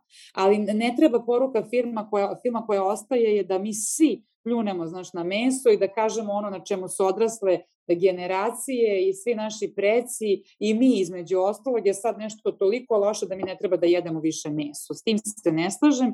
Te radikalne eliminacione dijete su one što ti kažem nisu podržavane od strane nauke ali je posle te dve velike važne poruke, to je kako, delo, kako utičemo na našu životnu sredinu i da, svakako treba da unosimo više voća i povrća, ali verujte mi, nećete biti strongman ako ste na plant-based ishrani samo, znači to je dosta teško, morate mnogo da vodite računa i možda, evo samo da prokomentarišem, um, um, ako, ako neko želi da bude plant-based, mora da razume da uh, briga o tome kako se hrani je podignuta na mnogo veći nivo nego kad se hraniš normalno pod navodnicima. Mnogo više moraš da biraš hranu, da vodiš računa o tome. Znači, ne možeš samo da kreneš i ono ad hoc, a da se nisi ispitao. Znači, i rizikuješ od anemije, rizikuješ od deficita nekih vitamina i minerala. Dosta toga ima, opet govorim kao lekar ovo, dosta toga tu ima o čemu se uopšte ne priča, nego je samo kao ta filozofija, ono, kreni da, da budeš plant-based. Da li misliš da je ovaj da je održivo biti plant-based? Zato što ja ovde recimo i neke ljude koje pratim i uopšte sad, pošto planiramo i podcast da, da, da pomerimo na celu, na, na jednu drugu priču, ovaj, znam da ima dosta ljudi koji su ovde na plant-based, koji su maratonci, sportisti mm -hmm. i tako dalje. Uh, I znam da uopšte, oni nisu odlučili za jedan dan da će to uraditi. Oni, uopšte, oni kada pričaju o tome zapravo i dele da je to jedan proces promene, da imaju iza sebe tim ljudi koji prate sve, njih, sve njihove dešavanje tako dalje. Ti kad vidiš nekog sportistu koji je tebi ideal ili kakav život bi ti želeo da živiš, ti onda sam uletiš u to i napraviš upravo taj problem koji si ti rekla, deficiti minerala, anemije i slično. Ali da li misliš da sa, sa pravim uh, ako to radiš na pravi način, da li misliš da je održivo i da li misliš da, da može da bude dobro za telo ili misliš da je uvek mm, Sad, opet je ovo mm. Tvoje, mišljenje me zanima. Ne, možda ne, od ovih načina ishrane koje smo komentarisali u početku, šta znači plant-based je u prevodu ovaj, ovaj, biti u stvari vegan, tako mu da. dođe, ako, ako izbegavaš baš sve oblike mesa, tako? Ili vegetarijanac ako bi se odlučio da unosiš ovaj, ribu i tako dalje. Znači, sad, malo, nešto, malo je problem sa tom terminologijom, moram da ti priznam. Ako govorimo pravo ono plant-based, znači da nosiš baš ni jednu vrstu mesa, znači da si vegan, pa ljudi su, toliki ljudi su vegani godinama. Znači da, svakako je moguće i sportisti su vegani, tako da da, naravno da je moguće. Ljudi govore da ako si vegan, najčešće to biraš zbog životnih stavova i, ovaj, i filozofije života. To znači da, ovaj, da jede meso, a ovaj, plant-based je više hoću da probam da jedem samo malo ove biljke. I oni tu, negde se sada u poslednje vreme pravi razlika između toga. Razlog zbog čega ljudi izdržavaju toliko da budu vegani, jer duboko veruju to da životinje ne treba ubijati, mislim. I to je razlika i oni žele, to je baš životna filozofija, mislim. Vjerojatno je plant-based ima to u sebi, ali dobro. Znači, vegani su malo više, ove, imaju tom smeru idu i to je razlog što to ljude vodi toliko da oni stvarno ono godinama, decenijama ne žele. Ono, od neke 20. godine kad je shvatio šta je vegan, on je odlučio ne jede meso i kraj. I, a ovi plant-based bi možda mogli da budu neke ekskurzije, znaš, ono, proba, proba, pa jede malo ove biljke, pa ono probam i tako dalje. Tako da, ovaj, šta god, znači, pošto mi nemamo bukvalne prevode ovaj, za to, bilo da je jedno ili drugo, svakako može da se izdrži i svakako može da bude duži plan ishrane, ali, ali, uvek voditi računa o tome gde postoje deficiti i tu je pravi primer za suplementaciju, možda čak i uvod u naše ovaj, sledeće pitanje, ali to je to su baš ono ljudi koji moraju da se suplementiraju, hteli to ili ne, jer inače u tom njihovom filozofijom oni kao ne treba da piju ni suplemente i tako dalje, ali uh, bit će u problemu. Ok, onda smo napravili pravi most zapravo za, za ulazak u u sledeću stvar, a to je koja je definicija suplementacije i koja je uloga suplemenata. Najjednostavnije suplementi su, dijetetski suplementi su dodaci ishrani i oni treba da, kao što samo ime kaže, budu dodaci. Znači, trebaju da u ishrani koju, koja ne može da ispoštuje one standarde idealnog, da bude uobročena svi vitamini i minerali, što mu dođe većina ljudi ovaj danas, ona treba da nam pomogne da mi to unesemo putem suplementa znači suplementacija je toliko danas postala ozbiljna da je podjednako u rangu sa ishranom. Iako ljudi zaboravljaju, ono svi kao nešto ishrana ishrana i onda ovaj, ne govore o suplementaciji, ne znam da li razumeju, običan šumeći vitamin C je, taj, to je suplementacija. Taj vitamin B koji si popio, to je suplementacija. Cink koji si pio sada zbog ovog covid radi imuniteta, to je suplementacija. Uh, ne znam šta, znači ljudi nekako ne povezu, ni misle to su suplementi, su ne znam, ono, kreatini, nešto čega ti rastu mišići i to piju samo sportisti, znaš, no, to totalno pogrešno i a, iz toga onda ljudi ne razume kad ih pitaš da piješ neke suplemente, ne. I ti kreneš, aha, uzimaš magnezijum, pa da, kao to šta, to nije suplement.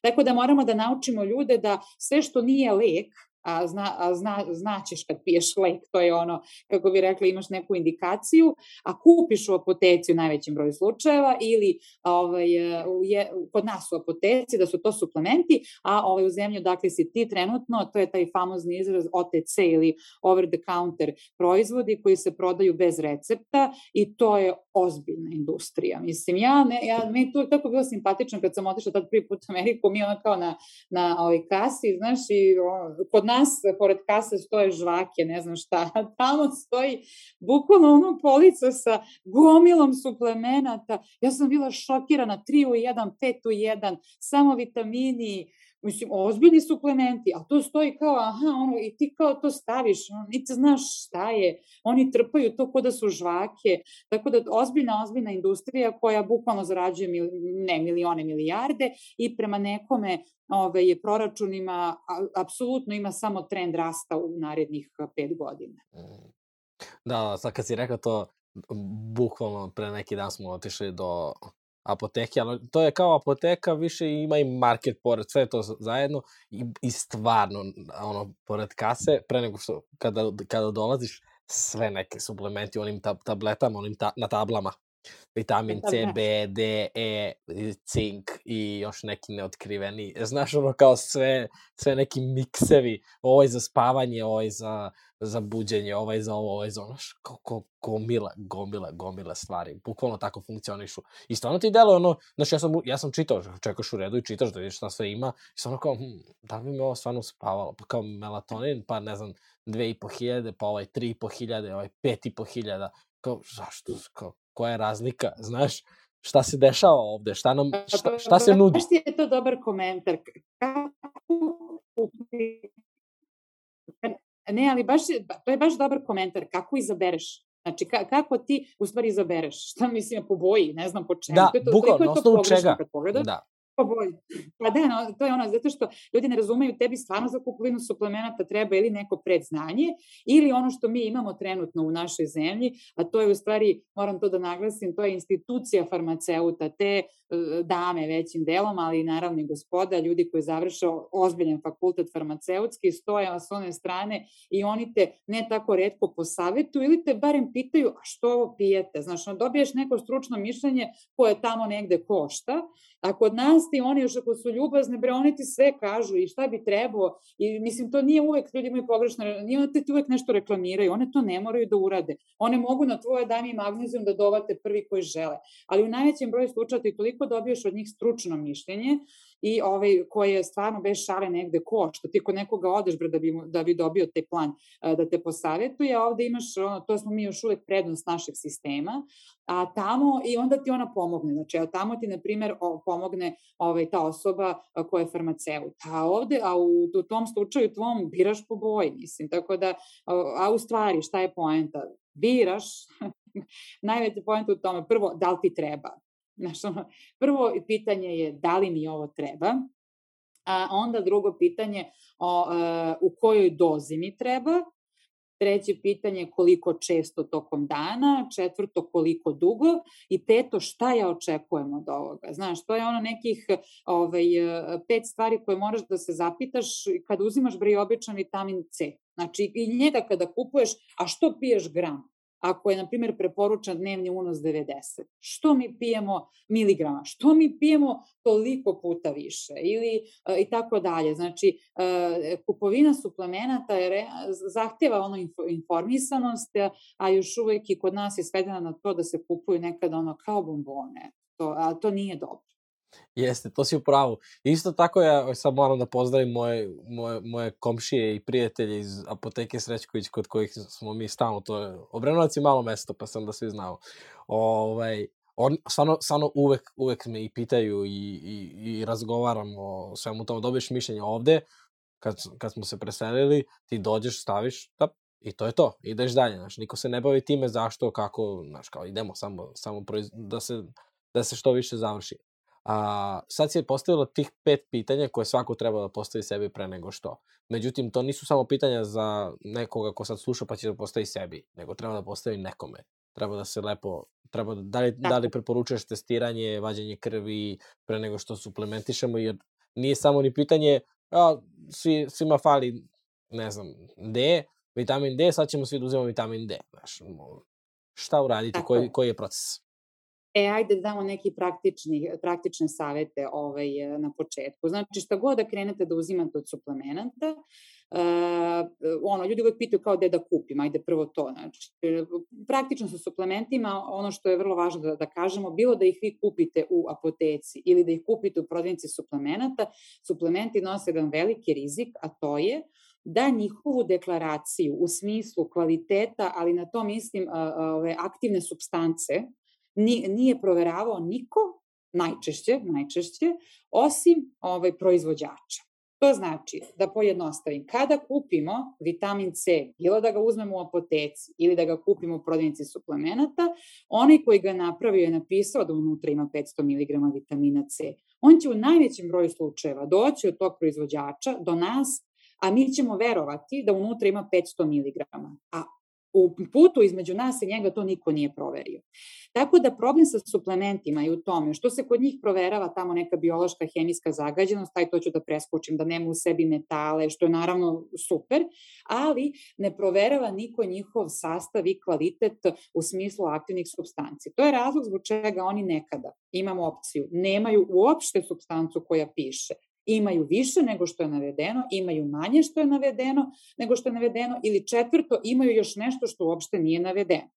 I a, ti si, ono, suplementacija je ono zamka, znači to ljudi moraju prosto da shvate, tako je kako je. Čime se onda ti vodiš, pošto to nisu lekovi. Sve ovo što sam rekla važi samo za lekove ta stroga politika, koncentracija, sve ono što, ovaj, što sam rekla trenutno važi za lekove, ne važi za suplemente.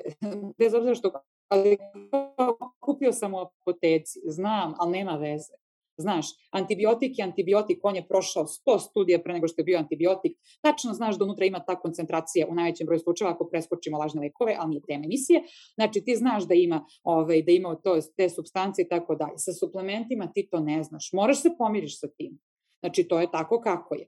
E, onda ti postaje se pitanje, dobro, pod koga da kupimo onda? E, onda ima nešto što mi savjetujemo, to je ono kao ovaj, do, dobra proizvođačka praksa. Prosto znaš da imaju neki, ovaj, sup, neke ono, uh, suplementi, brendovi koji ono godinama postoje, nemaju skandale, nikada se nije desilo da su kontaminirani nekim suplementima. Da pojednostavimo onima koji nas slušaju, desi se nekada u proizvodnji. Na jednom, ovaj, u jednoj proizvodnji idu, ide vitamin C, u drugoj proizvodnji, nažalost, idu neke substance koje ne želimo, na primjer stimulansi. Dođe do toga da se kontaminiraju, pomešaju, prosto se pomeša ovaj nekada slučajno, nekada čak i namerno i ti imaš u vitaminu C, na primjer, neki hormon koji nisi želeo. I a, ti piješ vitamin C, ali ti vidiš nešto se tu dešava s tobom, nije to, prosto nešto je problem. Tako da ta kontaminacija je realna. Čak smo i mi u, u Srbiji to imali kada smo svojevremeno krenuli u tu, ovaj, da kažem, akciju toga. I onda smo, ono što mi sad naučimo, evo i ove ljude koji nas svi slušaju, prosto ljudi da shvatite, pijete suplementa na svoju odgovornost. To je prvo. Kada krenete da kupujete suplemente, prvo se zapitajte, ali stvarno, realno, šta vam, znači šta vam treba, da li vam i, i zašto vam treba. Znači, ako sam ja neko ko nema vremena, para i mogućnosti da ode kod nekoga da me stručno savetuje. Ja nekako moram da imam neki, neki razlog zbog čega kupujem taj magnezijum. Znači, ne mogu da odem i da kupim samo zbog reklame. To je jednostavno pogrešno. Šta god da kupuješ, ne možeš da kupiš zbog reklame, moraš da i razumeš, negde moraš da shvatiš taj, jer šta, je, šta će da se desi. Ti ćeš da piješ i ništa se neće desiti. U prevodu ništa se neće desiti, ali to je tako. Nema efekta jer nije ni bilo problema na šta da deluje. Mislim, tako je kako je. Tako da, ako nemate, najbolje bi bilo da imate neku stručno lice da vas posavjetuje, to bi bili ovi nutricionisti širokog spektra, je tako? Koji bi trebao da vas posavjetuju oko te suplementacije. Ako nemate opciju da nađete stručno mišljenje, onda, vas, onda moj savjet, da kažem naj, ono, najpraktičniji, ali tako, jeste da, evo, hoćete da pijete, na primjer, vitamin D, odete uradite u analizu krvi vitamina D. Znači, u krvi ga izmerite, to kod nas košta 2000 dinara, možda malo plus minus gore, i onda vidiš da ti vitamin D, na primjer, donja granica je, ajde stavimo 60, a ti imaš vitamin D uh, 30 ili 20. I ti onda, to je najbolji put, i ti onda kreneš da piješ vitamin D za tri meseca izmeriš ponovo i vidiš da si nešto uradio. To je najispravnije i onda ti znaš zašto to nešto piješ. Mislim, to je ono što nekako moramo da se naučimo. Opet kažem, super bi bilo da odeš kod nekoga kao što kod nas dolaze sportisti, mi im izračunamo dnevnik ishrane, vidimo šta tu najviše fali od vitamina i minerala i nekada možemo baš da targetujemo neke vitamine i minerale, jer čovjek koji nosi salatu ne jede nikakvo povrće, pa taj nema, razumeš, ne, ne znaš kako da unese gomilu vitamine, onda mu ti i kažeš, znaš šta, ono, treba ti C, treba ti E, treba ti D i tako dalje. E, u tim momentima ti možeš da pribegneš multivitaminima koji smatraju ljudi najgorim rešenjem, jer to je ono kao od svega pomalo, a nekada ništa. E, I multivitamini budu problem zato što ono staviti neke čudne doze, znaš, o njima, i, a to nije ideja. Tako da, vratimo se, znači prvo ili tražiš stručnu pomoć ili kažeš sebi ovo je upravo to šta bi želeo da piješ od ovih suplemenata i onda ostaje kada biraš ovaj, taj suplement gledaj da bude monopreparat. To znači da imaš jednu aktivnu substancu jer onda možeš da pratiš njenu dozu. Eto, to je, to je znači neki, ovo, neki saveta. E, onda te zanima doza E, tu moramo da tražimo već pomoć nekoga koja da ne, da ne sada, ovaj, da ne dajem baš e, previše volje ovaj, ljudima, mora da se potraži neka vrsta stručne pomoći oko toga koja je doza, da li ti treba 400 internacionalnih jedinica vitamina D, da li ti treba 2000, moraš da pitaš ipak nekoga ko to zna. A, ili ako hoćeš, opet možeš da radiš neku vrstu istraživanja na internetu, a, ali bi trebalo da se onda vodiš nekim naučnim radovima i tamo treba onda da se pronađe koliko dugo. Suplementi se kao i lekovi piju svaki dan, određen vremenski period, najčešće mesec, dva, tri, da bi dali svoje efekte.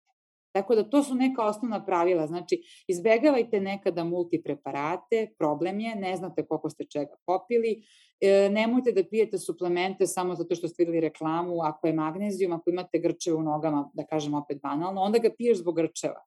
Znači, ja znaš zašto ga piješ, ne piješ ga zbog reklame, nekako prosto to je možda ono pogrešno i tu ljudi prave grešku. I još jedna stvar, ovaj, ti suplementi mogu da uđu u interakciju sa nekim lekovima, mogu da uđu u interakciju s nekom hranom, tako da i to je sve veći rizik što više suplemenata uzimaš. Znači, to moramo da kažemo. Malo pre si rekla isto da uh, ćemo, ako nema potrebe za, za nekim suplementima, mi uzimamo, neće biti efekta. Da li može da bude neko kontraefekt u smislu da li možemo da oštetimo neke organe i koji su najčešći slučajevi? Kako da ne, to bi bili možda ono suplementi, prvo to su bilo koji suplementi koje uzimaš uh, u prevelikim dozama, znaš, side effects ima ono kao upper limit koji se uzimaju za, gom, za puno, za većinu stvari, za neke nije definisano, ali ajde sad, za većinu imaš upper limit. Kada odeš preko upper limita, ti znaš da su side effects mogu da se dese. I to je malo bio problem sada sa ovim COVID-om kada je bio, ljudi su mislili da treba da uzimaju, na primjer, 50, 10.000 internacionalnih jedinica vitamina D, što je dato terapijski za vreme lečenja covid oni su nastavili da ga uzimaju mesecima posle, znaš, i on ima, i onda su počeli side effects od vitamina D i tako dalje, pa su počeli da se objavljuju članci o tome, znači čak i nešto što je bilo dobro, bude loše kada ti uzimaš u prevelikim dozama. Vitamin C koji se uzima u dozama koje su veće od gram 2, pod, mislim, isto pitanje šta se dešava sa tim, to ti bubrizi nekako moraju da izbace šta će nam sve to. Tako da svaki ono dobar suplement kada pređe pređe granicu u dozi je problematičan i može da izazove side effects. Zato mora to da se poštuje. A drugi slučaj sa suplementima je kad uzimaš one za koje mi kažemo da znaš da su visoko rizični. To su ovi weight loss suplementi, energy boosteri, pa nekada ajde u sportu eno reaktori, gde imaš puno substanci i imaš neke stimulanse, na primer, koji mogu da izazovu hipertenzivne krize, to je visok pritisak, poremeće u ritmu rada srca, pa čak i da dođe do smrti. Ja imam predavanje koje predajemo o, o, sa kolegama iz Udruženja za sportsku kardiologiju, gde baš prikazujemo slučajeve sportista koji su od jednog suplementa umrli, imamo, imamo postoje obdukcioni nalazi i tako dalje, to su bili weight loss suplementi. Imali su u sebi, suplementi za smanjenje telesne mase, izvinjavam se za one koji ne znaju, znači imali su u sebi neke stimulanse, imali su efedru, imali su efedrin, uh, ono što je, na primjer, u sportu inače zabranjeno, a ovde se prodavalo običnom građaninu, je tako, da bi ovaj skinuo telesnu masu. Tako da ono uopšte nije naivno, eto. Mm. Koje suplemente pored toga ne bi, ne bi smeli nikako da koristim? Sad si rekla par, čisto da znamo na što da obratimo pažnju? Uh, jao, znaš šta, možda bi trebalo voditi računa uh, o suplementima na kojima ne može da nađete tačan sastav, znači bez ono, ne bi ošto da, da nekoga, da sad prozivam nešto, ali imate one biljne suplemente koji u sebi imaju neku ono, puno, puno biljaka za koje pitanje, ako, ako nam nije blisko, ovaj, a, kako bih rekla, za to negde moraš ipak da dobiješ stručan savet, ajde tako da kažem, vodite računa sa upravo ovo suplementima za smenje telesne mase, jer oni nekada umaju da budu problematični, a, vodite, i da, okre, znači na svakom suplementu bi trebalo na deklaraciji da piše jedna, tri slova koja su PDU ili kod taj, ono, preporučan dnevni unos od američkog recommended daily intake, znači preporučan dnevni unos, e, da kažem, na našem i na, ovaj, na engleskom. E, pa tu ćete da vidite koliko puta više od preporučenog imate. Kada vidite da neki suplementi imaju 10, 20, 30 puta više PDU, preporučan dnevni unos, zapitajte se zašto je to tako i da li to vama treba.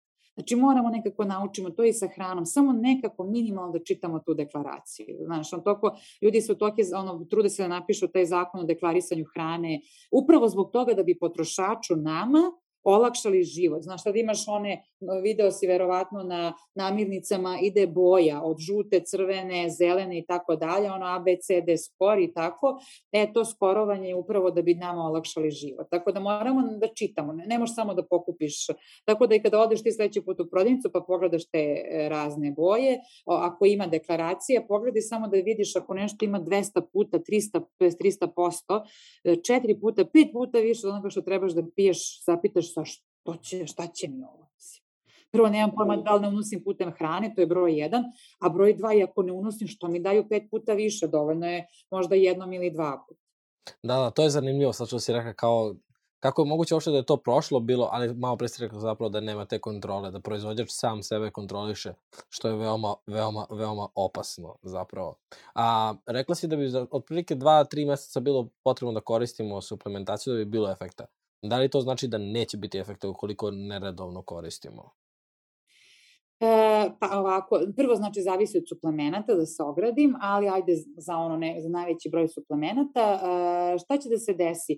E, čak i studije koje stoje iza suplemenata, koje su po, podjednako ozbiljne kao i studije koje stoje nekada sa nekim lekovima, naravno nisu klinička istraživanja, nego su istraživanja kao što smo mi radili u Srbiji sa probioticima, sa antioksidansima, ja sam doktorirala na nečemu što se zove astaxantin, to je antioksidans i tako dalje, a mi smo ih radili u određenom protokolu i mi smo rekli da ako piješ taj astaksantin 4 mg dnevno 3 meseca, desit će se to i to. Znači, zato što se pokazalo da određena dužina i određena doza daju efekat. Skraćenje toga najčešće neće da izazove efekat koji mi tebi obećavamo sa tim suplementom. Znači, neće, efekat možda neće u potpunosti izostati, ali neće biti u punom obimu kao što ga očekuješ. Eto, to je, to je poenta. Znači, onda se postaje pitanje pa što piješ? Mislim, ne trebaš da ga piješ. Ok, to, to, mi ima, to mi ima mnogo smisla, zato što ja imam neki, čak i čak lično i ja, sad pričam moj primer, da ja nekad krenem da pijem neke suplemente, pa onda zaboravim 3-4 dana, pa onda opet uzmem jedan dan, pa onda, i, i to bude tako traljavo da, znaš, ono, na kraju i prestaneš.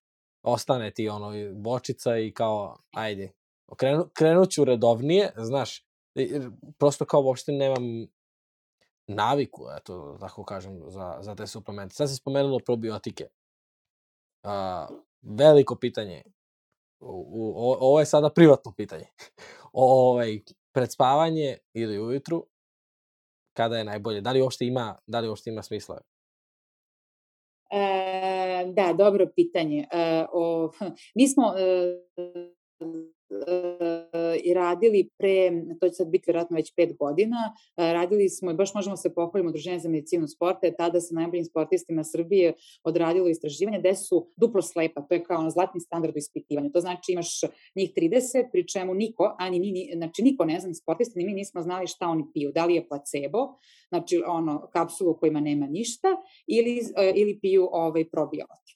I to je ono, baš da se pohvalimo da je takva studija urađena, dokaz koliko je to bilo dobro je naša koleginica Danica je doktorirala na tome, toliko radova u ozbiljnim časovima, časopisima objavljeno iz te studije i mi smo tu između ostalog njih trebali da motivišemo kao i svakog ozbiljnog ovaj, normalnog čoveka da piju ovaj, probiotik svaki dan, tri meseca, pričemu oni nisu ni znali tada pola njih pije ono ništa, je tako?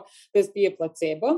A, I a, onda je Danica u jednom trenutku smo rekli kao, pošto je vodila tu studiju, daj da ih nekako podsjećamo. Znači, mi smo slali svako jutro poruku, tada SMS, popite vaš ovaj, ovaj probiotik kao podsjećanje neko. To sam ja radila kad sam radila sa sportistima ovim mojim ovaj, astaksantin. E, tako da, a, bila je ideja da oni to popiju kao ujutru, znaš, ono, ovaj, kako bi rekla, posle doručka ili u jutarnjim časovima. Međutim, posle su se pojavili neki radovi koji su rekli da kao nije bitno, a u nekima su rekli možda nije loše da se popije uveče, pa da je taj probiotik probiotik onda tokom noći u crevima odradi šta treba. A u šta hoću da kažem, to nije suplement kojima je toliko važno koje doba dana. Znaš, to je onda, jer to je onda pitanje komplijanse, to se tako kaže, to je koliko pacijent sarađuje, u ovom slučaju oni koji pije suplement. Ako će onda sarađuje bolje tako što popije uveče, jer mu je tako lakše, bolje da ga popije uveče nego da ga ne popije uopšte. Aha, ali kada bi bilo sve idealno, onda bi bilo ujutru. Posle, posle obroka. Onda bi to bilo. Tako je, da, mo, tako bi trebalo. Mada, znaš, ono, probiotici su baš ono, ozbiljna, ozbiljna tema. Prvo zbog toga što nije sve jedno koji piješ, ali ne bi sad zamarala ljude sa tim. Uh, toliko sojeva probiotika ima, ljudi moraju da shvate. I to je ono, ne uđeš samo i kažeš daj mi probiotik. Ne.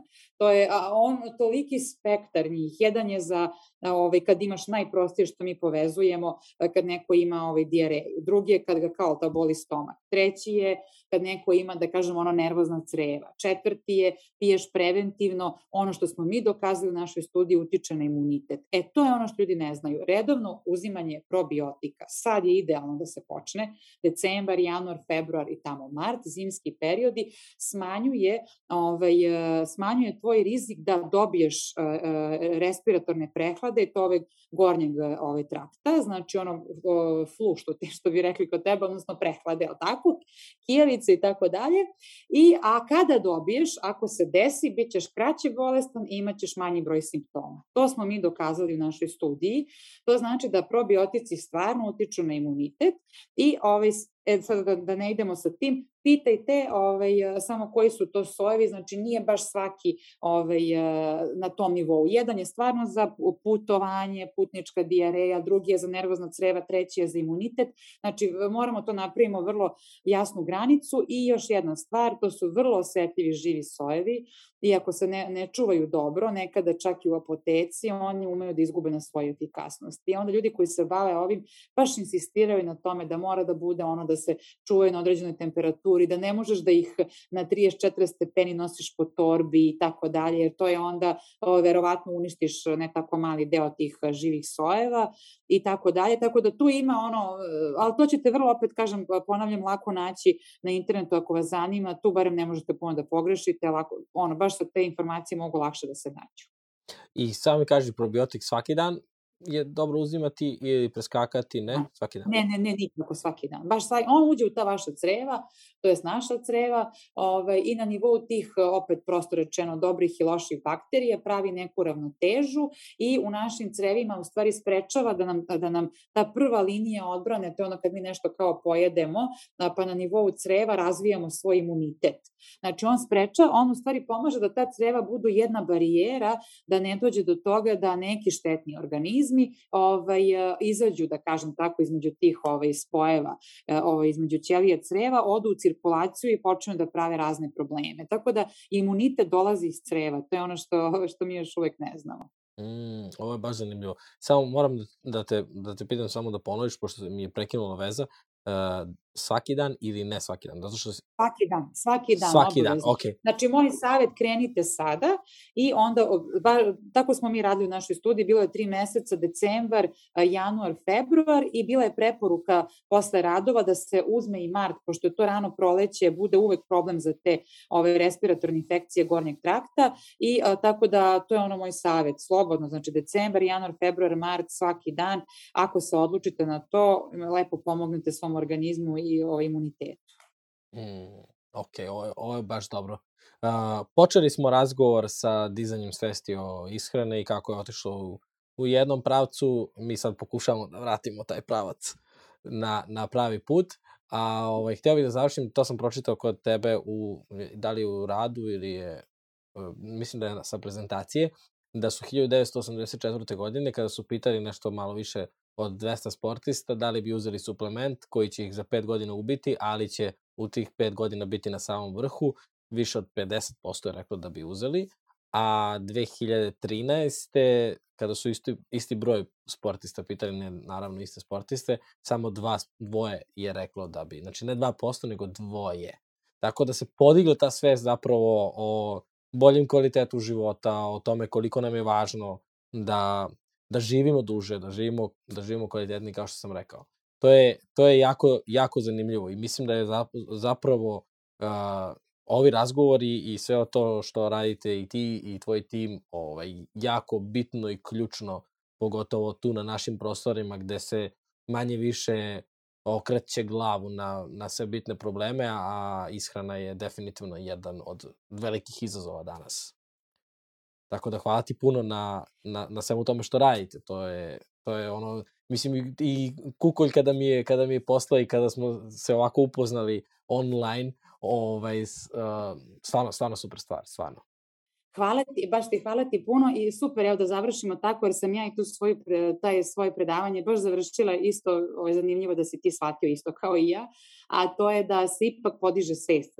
Ne, u ovom slučaju ne samo sportista, nego svih ovaj, ovaj, koji su kao, eto, koje to zanima, o ishrani i me, ne znam, meni je drago, ja sam uvek i prijetno iznenađena i kad me ljudi nekada pozovu i da damo intervju i da odemo na televiziju da pričamo o ishrani. Svaki put sam prijatno iznenađena jer to je ono, znači nešto pomeramo neke granice. Mi danas pomeramo ono stigle ovaj, koje grade kuću, znaš ono osnovu. Neko posle nas će da počne da gradi tu kuću, priča nešto ono o super suplementima, kako birati i tako dalje. A mi trenutno baš radimo ovo ono ovaj bazu, počnemo da ovaj gradimo ovu našu kuću iz temelja. Tako da ja baš tako i smatram ovo što mi radimo da je to negde na tom nivou i da spremamo teren za neke e, ove druge koje će ovo zanimati da pričaju na jednom višem nivou i e, da, da upravo to, da ljudi barem znaju osnovne stvari, eto, da im ne prodaju magiju, možda da opet završimo kako smo počeli, nego da ono uključe svoj razum i da baš ono slušaju sebe